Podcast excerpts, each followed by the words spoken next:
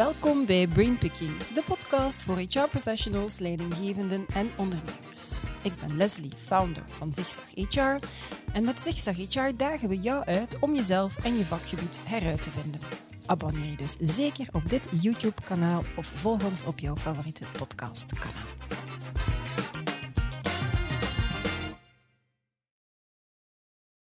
De jobs van morgen zullen er anders uitzien dan die van vandaag, om een open deur in te trappen.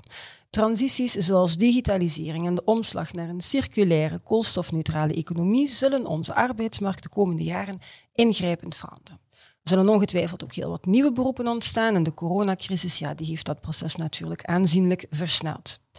Wil je als bedrijf succesvol inspelen op al deze veranderingen of beter nog erop anticiperen, dan breng je maar best in kaart welke competenties de komende jaren nodig zullen zijn.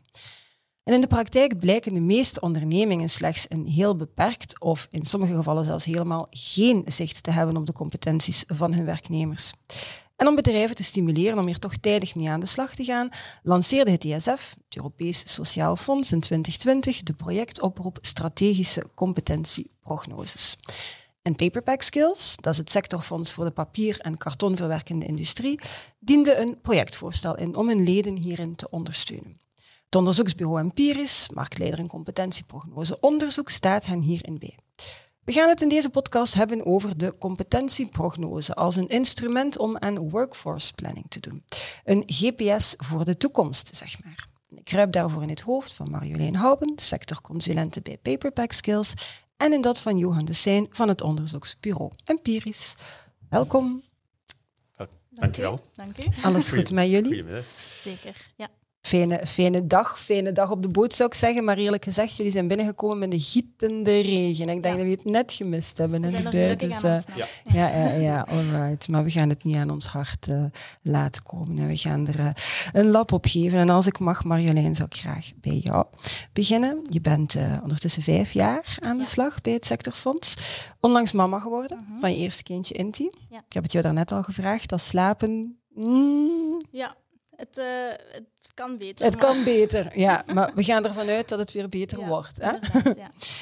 Ehm, Paperback Skills, het, eh, het Fonds voor Bestaanszekerheid voor de papier- en kartonverwerkende nijverheid, dus het sectorfonds van de papier- en kartonbewerkende industrie. Dat is een kleine, maar wel een heel heterogene sector. Hè. Dus, eh, wa- wat moeten we daar zoal over weten? Ja, ehm Paperpack Skills is inderdaad het sectorfonds eh, van de papier- en kartonindustrie.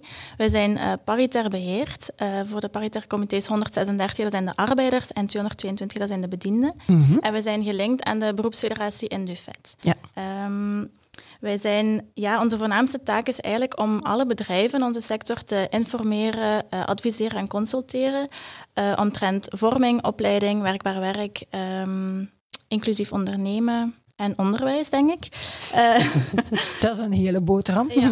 En ehm, we, maar, allee, we doen ook vooral projectmatig eigenlijk ja, projecten rond die thema's. Mhm. Daarnaast hebben we ook een opleidingsaanbod voor alle werknemers in de sector. Ehm, en wij zijn een aanspreekpunt voor de bedrijven en ook voor onderwijs en partners. Ja, ja. Ehm, de sector is inderdaad klein, eh, maar een eh, 250 bedrijven in België, maar Mhm. wel heterogeen, eh, gelijk u zei.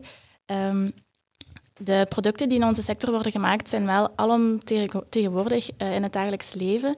Eh, want de producten die worden gemaakt door onze eh, ja, creatieve mensen zowel en de technische mensen zijn bijvoorbeeld ehm, verpakkings- en transportdozen. Maar ook luxe verpakkingen, gelijk champagnedozen, pralinedozen eh, en dergelijke. En ook bijvoorbeeld ja, de frietbakjes op de festivals, ehm servietten in Oké. de horeca, Ja, ja. ehm, collectie- en speelkaarten. Dus het is inderdaad heel eh Ja, gevarieerd. heel divers.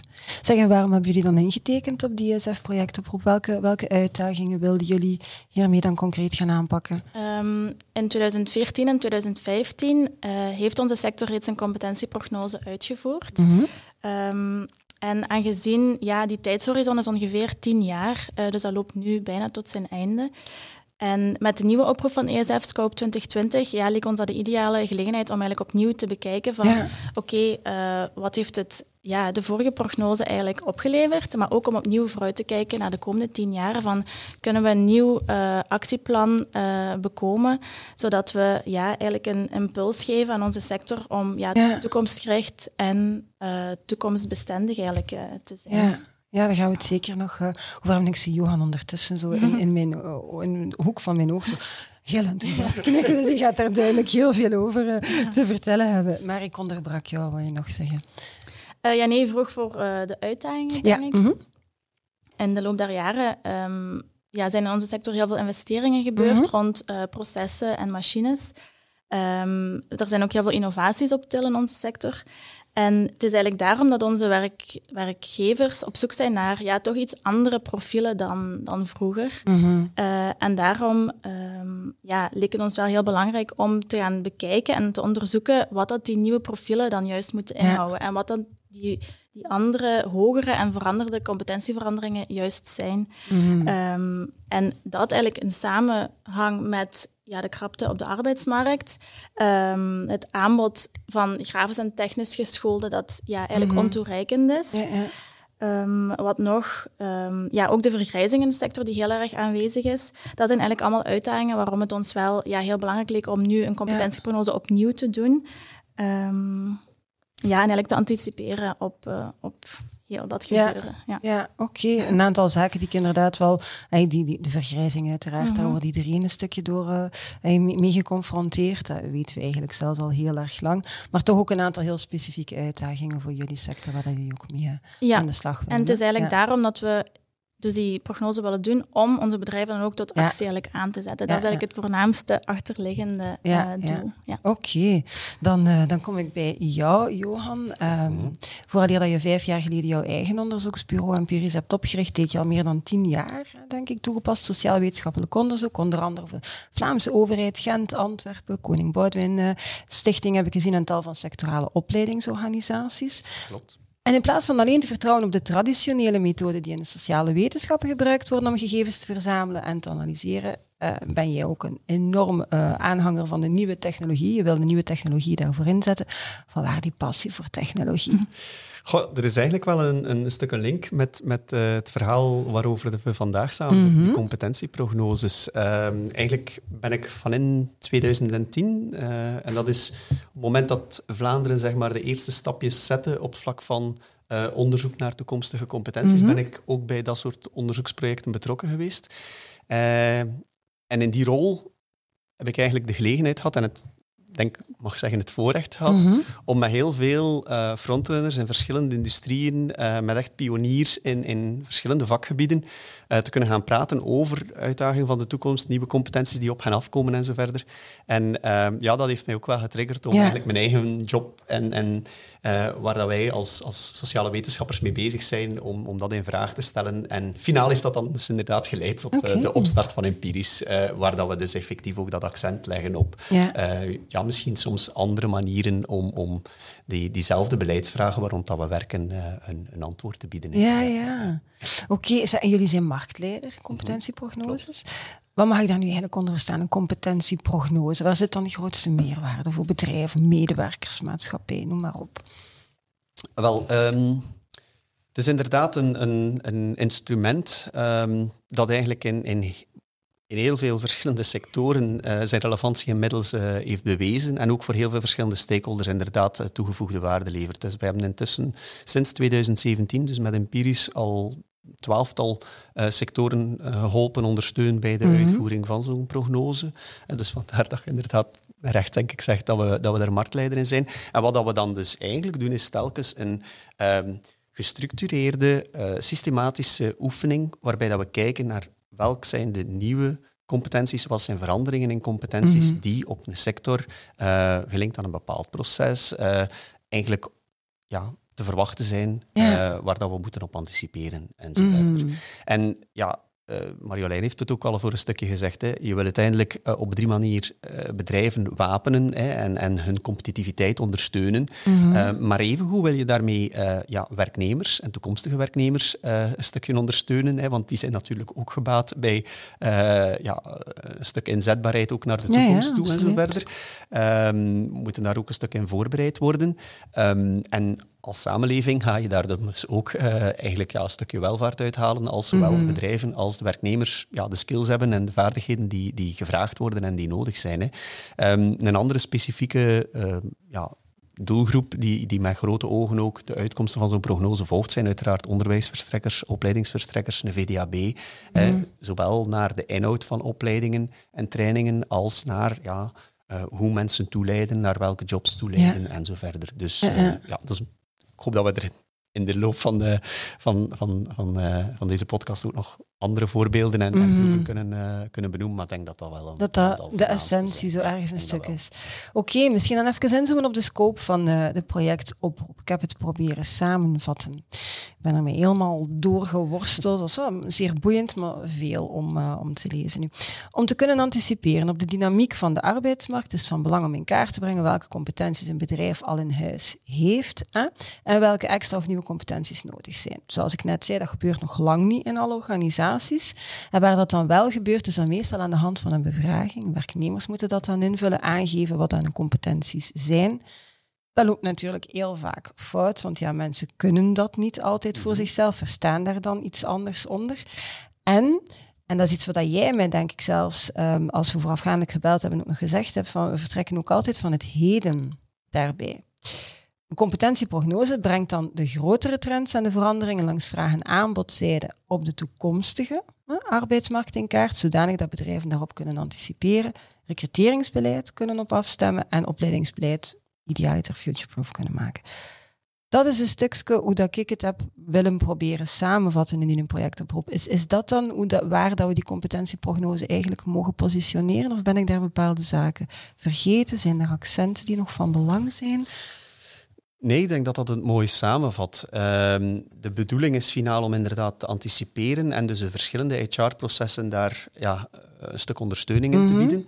Um, de competentieprognose zelf, dat betreft letterlijk het vooruitkijken naar veranderingen in competenties. Hè. En dan hoort daar inderdaad nog aan vastgeknoopt te worden dat je dat dan ook, die nieuwe verwachtingen, dat je dat vergelijkt met uw actuele verwachtingen mhm. en uw actueel talent in uw onderneming. Hè, en dat je dan eigenlijk ja, een stukje bijna een gap-analyse maakt en zegt van ja, waar zitten de verschillen, waar liggen de eventuele knelpunten, hoe gaan we daaraan werken en zo verder. Mhm. Eh, maar de, de prognose zelf, het onderzoek zelf, is dus gaat uitsluitend over de oefening van wat zijn toekomstige competenties. Ja. En dat gebeurt inderdaad op een heel systematische manier.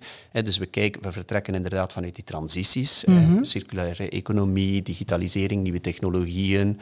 Um, het kader hiervan hebben we bijvoorbeeld ook gekeken naar uh, lange termijn effecten van COVID mm en zo verder. Dus je vertrekt vanuit die grote ontwikkelingen die ook voor een stuk extern aan bijvoorbeeld papier- en kartonbewerking ja. uh, zijn. Je kijkt vervolgens naar hoe kunnen bedrijven in een bepaalde sector daar nu gaan op inspelen. Welke strategische keuzes kunnen zij gaan maken? Mhm. hè? Want ze kunnen die nieuwe technologie adapteren. Of ze kunnen zeggen van ja, wij kiezen toch voor een andere weg. Dat zijn keuzes die bedrijven maken. Mhm. Eh, maar het zijn uiteindelijk die keuzes die bedrijven maken die dan wel een impact hebben op competentie nodig. Ja. En op die manier ja, vertalen we dus eigenlijk die grote evoluties door naar een gedetailleerd beeld van veranderingen voor mensen, op een bepaald moment in een bepaald Ja, wat dat, heel concreet betekent. Ja. iets waar dat de meeste mensen ook niet toe in staat zijn en waar dat bedrijven ook gewoon toekoor niet de tijd en expertise voor hebben om dat allemaal op zichzelf te gaan doen. Hè? Nee, dat, dat toch niet de meeste bedrijven. Dat, dat blijkt soms ook, hè, want wij, wij kiezen er dan in principe wel echt ja, vooruitstrevende, toekomstgerichte bedrijven uit. En dan nog merk je vaak uh, dat eigenlijk waar dat wij daar zitten als onderzoekers om vragen te stellen en info te krijgen, mhm. Dat we eigenlijk merken dat we tegelijk misschien een beetje consultancy ah, leveren zijn, omdat ze het idee hebben van, ja, dat is eigenlijk wel een goede vraag. En ja, je hebt ons gedwongen om daar een aantal dingen op, daar, om daarop door te denken, om daarop verder te borduren. En dat is eigenlijk wel een zinvolle oefening mhm. Ja, ja. ja. Het is daarom ook eigenlijk dat we als sectororganisatie daar een beetje onze human resource taak in zien. Om ja, dat voor hun eigenlijk te doen, die competentieprognose. Mhm. Omdat ja, vooral bij ons in onze sector, het zijn vaak productieomgevingen, de productie gaat voor. Ja. Um, ze zijn daar niet altijd mee bezig of toch niet actief mee bezig. Uh, en wij ja, zetten eigenlijk op die manier toch aan om daar ja, toch goed over na te mhm. denken en ja, voorbereid te zijn uh, op de toekomst. Ja, absoluut. Zeg, wat zijn zo de belangrijkste uitkomsten van, van, van dit project? En misschien ja, meteen al, al een onderliggende vraag. In welke mate zijn die uitkomsten ook relevant of belangrijk? Belangrijk voor andere sectoren. Want er gaan uiteraard ook mensen zijn die luisteren die geen deel uitmaken van, eh, van jullie, laat ons hopen van wel. Ja. hoe kan je dat zo wel bundelen? Mag ik dat aan jou vragen, Marjolein? Um, ja, eigenlijk in, in het algemeen vooral ja, dat sectorbrede uh, beeld dat je krijgt van een competentieprognose, maar toch met heel gedetailleerde informatie um, over ja, wel meer dan 100 eigenlijk veranderingen in competentienoden, mm -hmm. vertrekkende vanuit dus die huidige noden in onze industrie. Dat is ja, echt de meerwaarde uh, van het project uh, en de voornaamste uitkomst daarvan. Mm -hmm. en het is sowieso relevant op twee manieren, zowel als instrument als op de uitkomsten. Als um, instrument, omdat ja, de aanpak levert dus inderdaad, gelijk Johan ook al kort uh, zei, levert heel diepe en waardevolle gesprekken op. Um, de mensen gaan al meteen tijdens het gesprek zelf nadenken. Dus het wordt als heel verfrissend ervaren. Um, dat wij dus inderdaad die consultancy eigenlijk met je komen doen.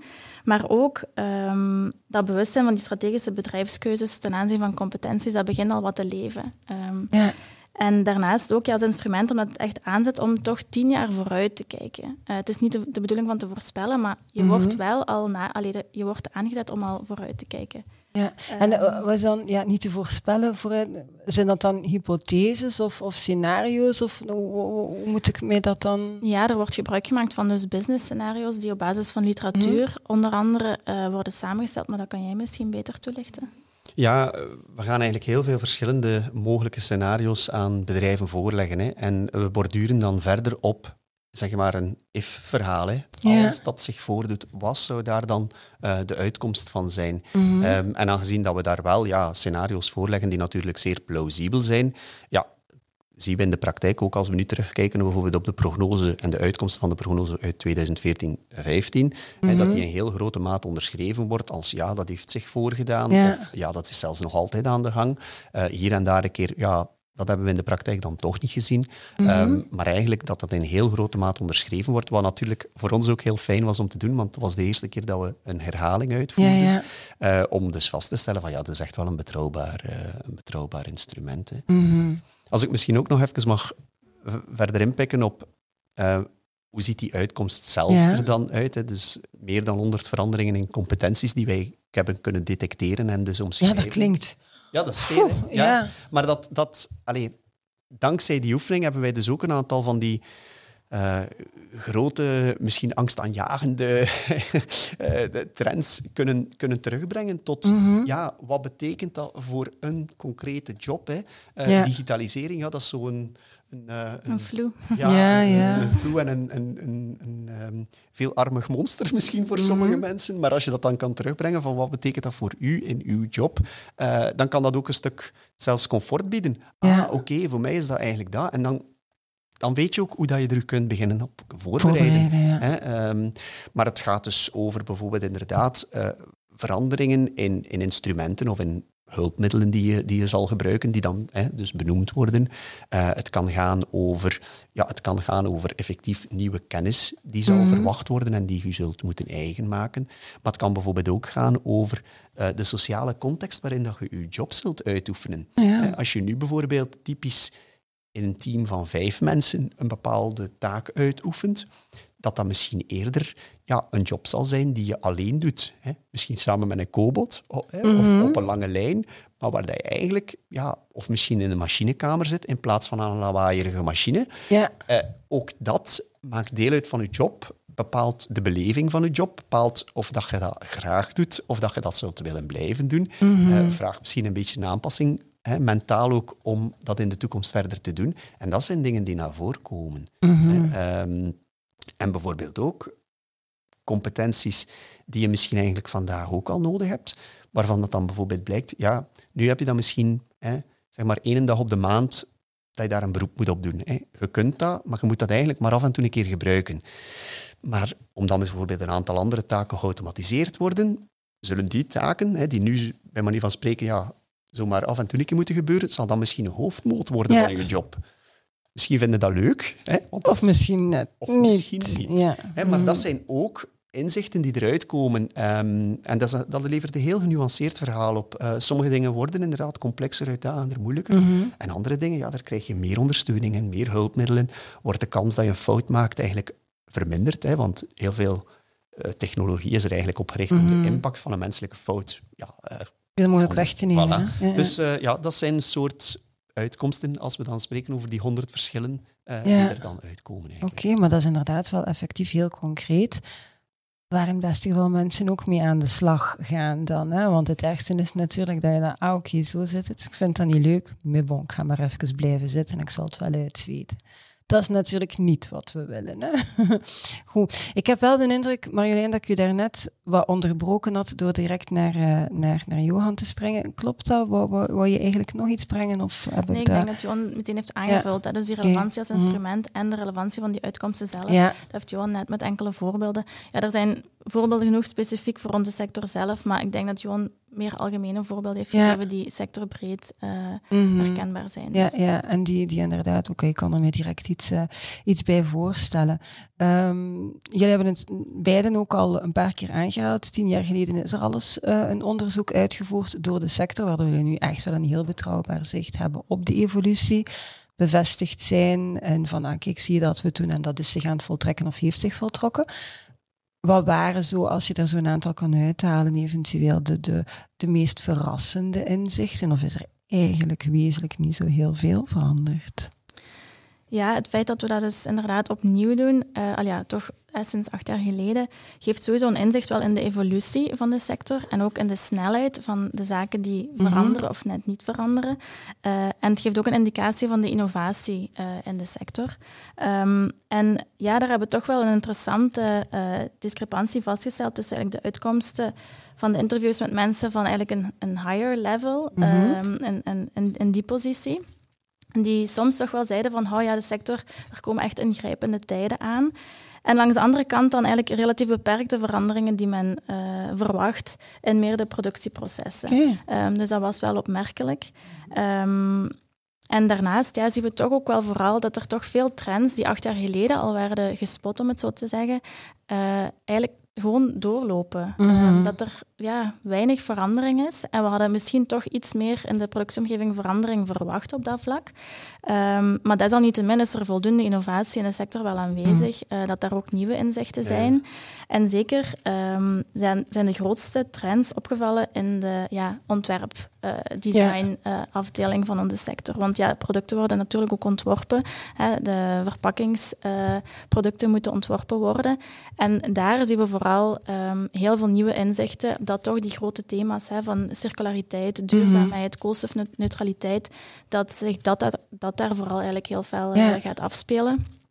En dat dat vooral heel veel ja, veranderingen gaat teweegbrengen voor die personen met, met ja, competentieveranderingen. Mhm. Dus ja. dat was wel opvallend. Oké. Ja, op zich is het misschien inderdaad ook niet zo verwonderlijk dat een trend niet verandert. En een trend, dat is iets dat duurt jaren. Als je kijkt naar digitalisering, court. Allee, ja, ik denk als we, als we verder terugblikken, in het begin gaat dat heel traag en dan plots gaat er een versnelling. Zes of acht jaar voor dat soort thema's is eigenlijk niet zo lang, lijkt me. Ja. Ja, allee, ik denk, het is, het is, een, het is uiteindelijk, allee, er zijn heel veel zaken waarvan dat men bevestigd heeft dat ze zich ja, aan het, aan het Voltrekken zijn. voltrekken, voltrekken ja. dat is het Mhm. woord eigenlijk. zocht, eh, dat ze zich aan het voltrekken zijn. En in sommige gevallen is hier, schat men ook in van ja, we zitten nu ook ongeveer op onze limiet. Ja. Eh, ik denk bijvoorbeeld aan, ja, er, en dat is ook iets denk ik dat in heel veel industrieën en toepoer zelfs in, in andere sectoren ook herkenbaar is, eh, veel meer ehm, nood aan procedures, eh, ook in het kader van bijvoorbeeld kwaliteitscertificaten en dergelijke, die ook vanuit klanten en zo verder vereist worden, dat men zegt, ja, wij hebben daar inderdaad de dominantie van procedures en regeltjes en zo verder. Eh, dat hebben wij enorm zien toenemen, maar eigenlijk denken we dat we daar nu zo wat aan- de limiet zitten. Ja. Ik kan me nu eigenlijk niet meer nog voorstellen Dat we nog. nog, nog verder gaan. Eh, en andere dingen dat je dan zegt van ja, hè, ehm, we zien inderdaad een vraag naar meer polyvalentie van onze medewerkers en we konden dat inderdaad ook al een stukje aanvoelen. We zagen dat al gebeuren in 2014, 2015. Eh, maar ja, we voelen dat daar nog altijd eh, een toenemende druk is. En dan Ja. ook soms bedrijven die zeggen, en we weten eigenlijk niet hoe dat we dan nog ja, ook verkocht gaan krijgen aan onze Ja, ja. mensen, want hè, daar, daar zit ook misschien wel ergens een grens op.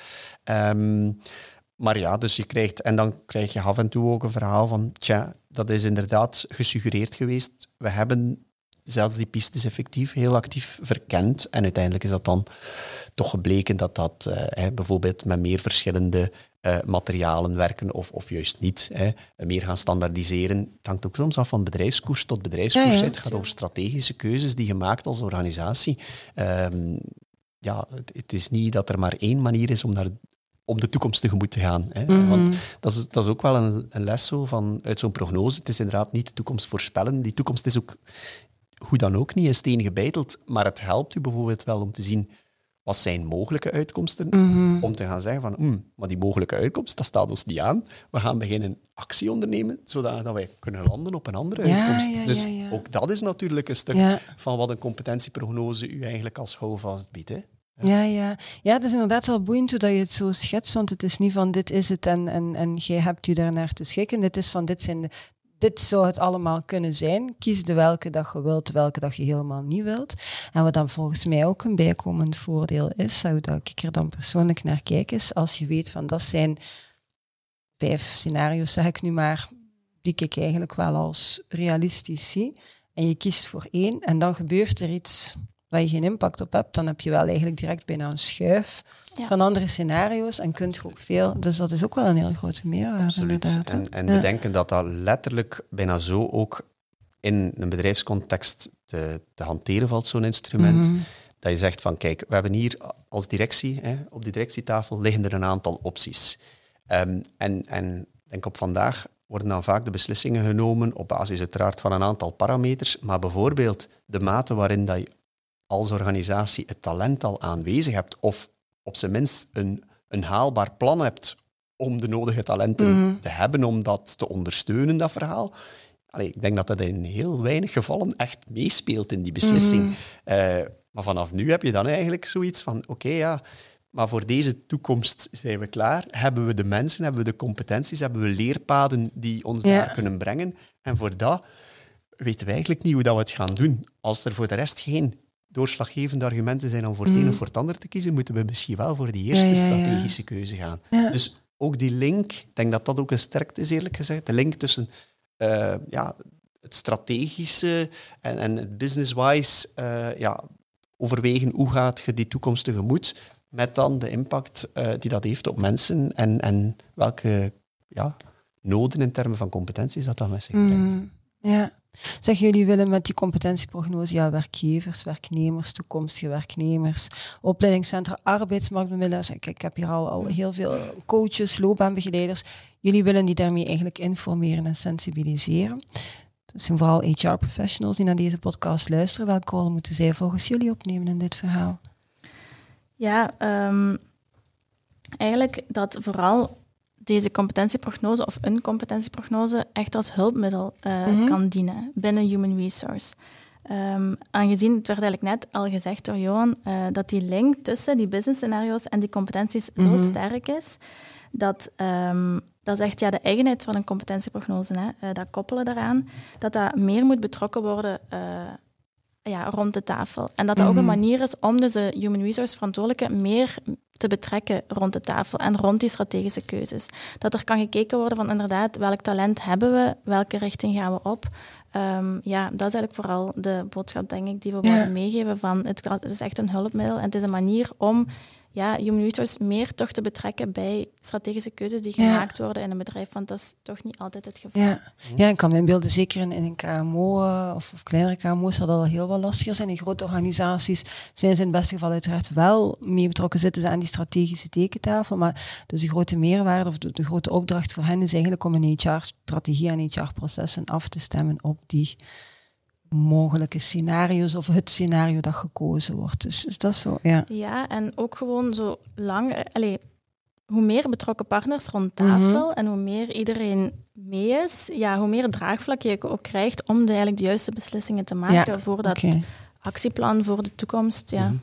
ja, ik denk dat het inderdaad ondersteunend is om niet alleen een HR-manager te worden, maar een HR-business partner te worden ja. Eh, mhm. als, als professional in, in, human resources. En denk dat het inderdaad daar, uh, daar wel kan ja. toe bijdragen. Ja. Mm um, nu, Johan, je kan vergelijken. Je hebt die competentieprognose ook al bij andere bedrijven, andere sectoren gedaan. In welke mate is zo'n methodiek interessant voor eender welk bedrijf? welke mate kunnen we dit echt doortrekken voor elk bedrijf, elke sector die nu luistert of kijkt? Ik denk dat er geen enkel bedrijf is, eh, geen enkele sector die, die niet geconfronteerd wordt met een aantal van de transities Mm. eh, waar dat we het al over gehad hebben. Hè. De krapte op de arbeidsmarkt, de vergrijzing, eh, de nieuwe technologieën, eh, evolutie richting koolstofneutraliteit en zo. Allee, als je het nu in Keulen hoort donderen, dan denk ik dat je een Een probleem heel hebt, groot probleem Ja. hebt. Ehm, en, en, en mocht je het in Keulen horen donderen, als je bij Marie van Spreken dan misschien een groot probleem hebt, dan is het misschien nog meer hè, dan, dan, dan, dan in het andere geval nodig om er inderdaad eh, Mhm. mee aan de slag te gaan en er u op eh, voor te bereiden. Hè. Ehm, dus, dus zowel in termen van de uitkomsten die letterlijk nu op tafel liggen, zeg maar, vanuit de papier- en kartonbewerking, waar dat heel veel andere sectoren ook gaan zeggen, ah ja, wij doen dat eigenlijk ook. Ah ja, wij zetten Ja. ook in op procesoptimalisatie. Ah ja, en welke impact heeft dat op eh, de mensen? Mhm. Ah, en daar hadden wij nog niet op geanticipeerd.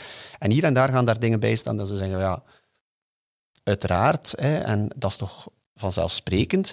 Ehm, maar wat soms ook voor HR-mensen vanzelfsprekend is, is dat misschien niet voor iedereen in de Nee, organisatie. En dan biedt dat eigenlijk een extra argument en, en versterkt u dat om uw boodschap intern Ja. te gaan brengen. Mhm. Ehm, of ja, brengt het van die dingen naar boven van, tja, daar hadden we niet aan gedacht. Eh, Allee, een voorbeeld uit dan, papier en karton, is eh, dat er van de ontwerpers blijkbaar zou verwacht worden dat die eigenlijk meer communicatieve skills, sterkere communicatieve skills zullen nodig hebben in het verlengde van circulariteit.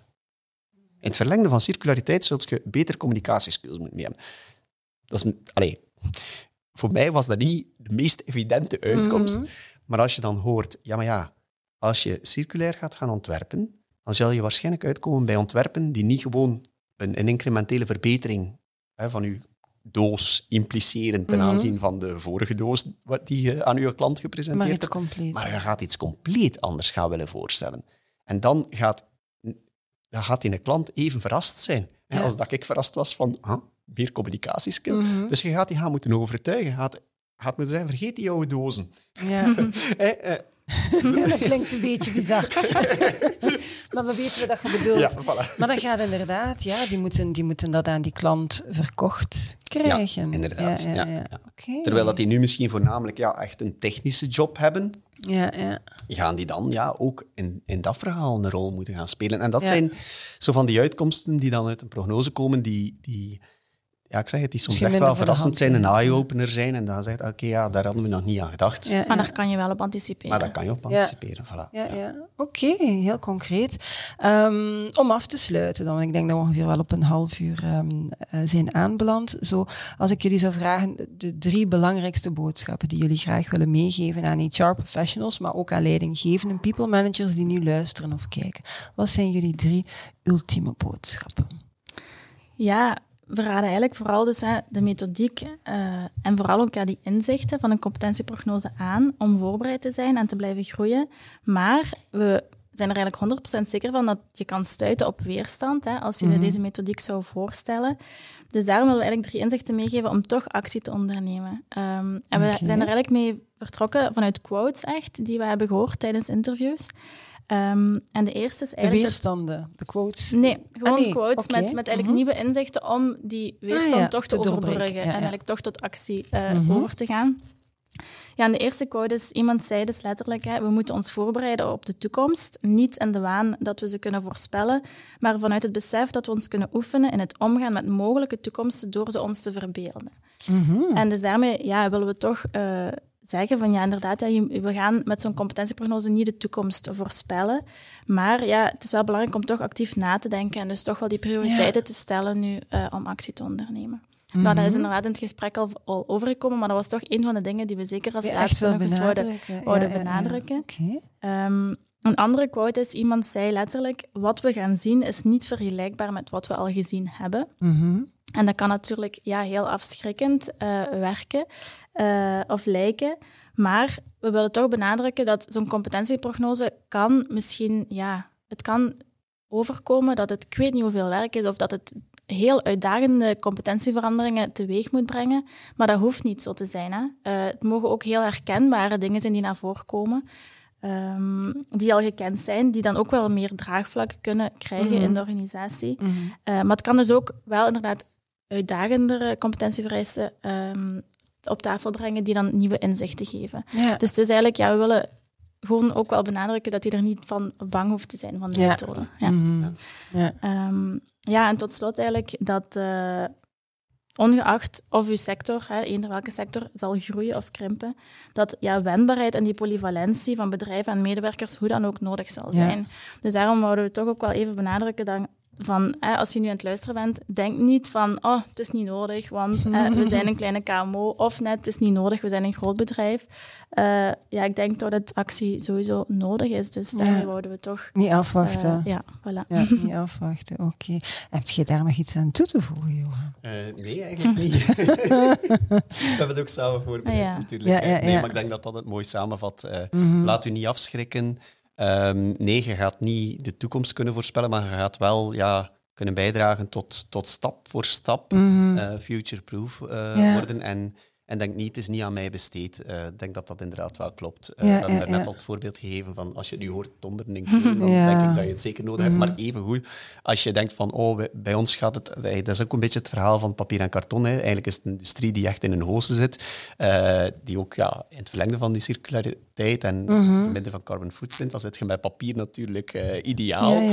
Maar ja, het initiatief van de sector geeft ook een beetje aan van ja, eh, ons huidig succes mag, mag ons ook niet in slaap doen wiegen of mag ook niet eh, ervoor zorgen dat we op ons lauweren gaan rusten. We moeten alert blijven, we moeten eh, ja, actief blijven eh, naar de toekomst kijken. Dus, Ja. eh, maar ik denk dat, ik denk dat Marjolein dat mooi Dat heel mooi heeft samengevat. Ja, hè. voilà. Maar het is inderdaad ook wel herkenbaar en goed dat je dat toch ook nog eventjes benoemt. Het is vaak als het goed gaat dat mensen en bedrijven achterover gaan leunen. Dat is heel gevaarlijk.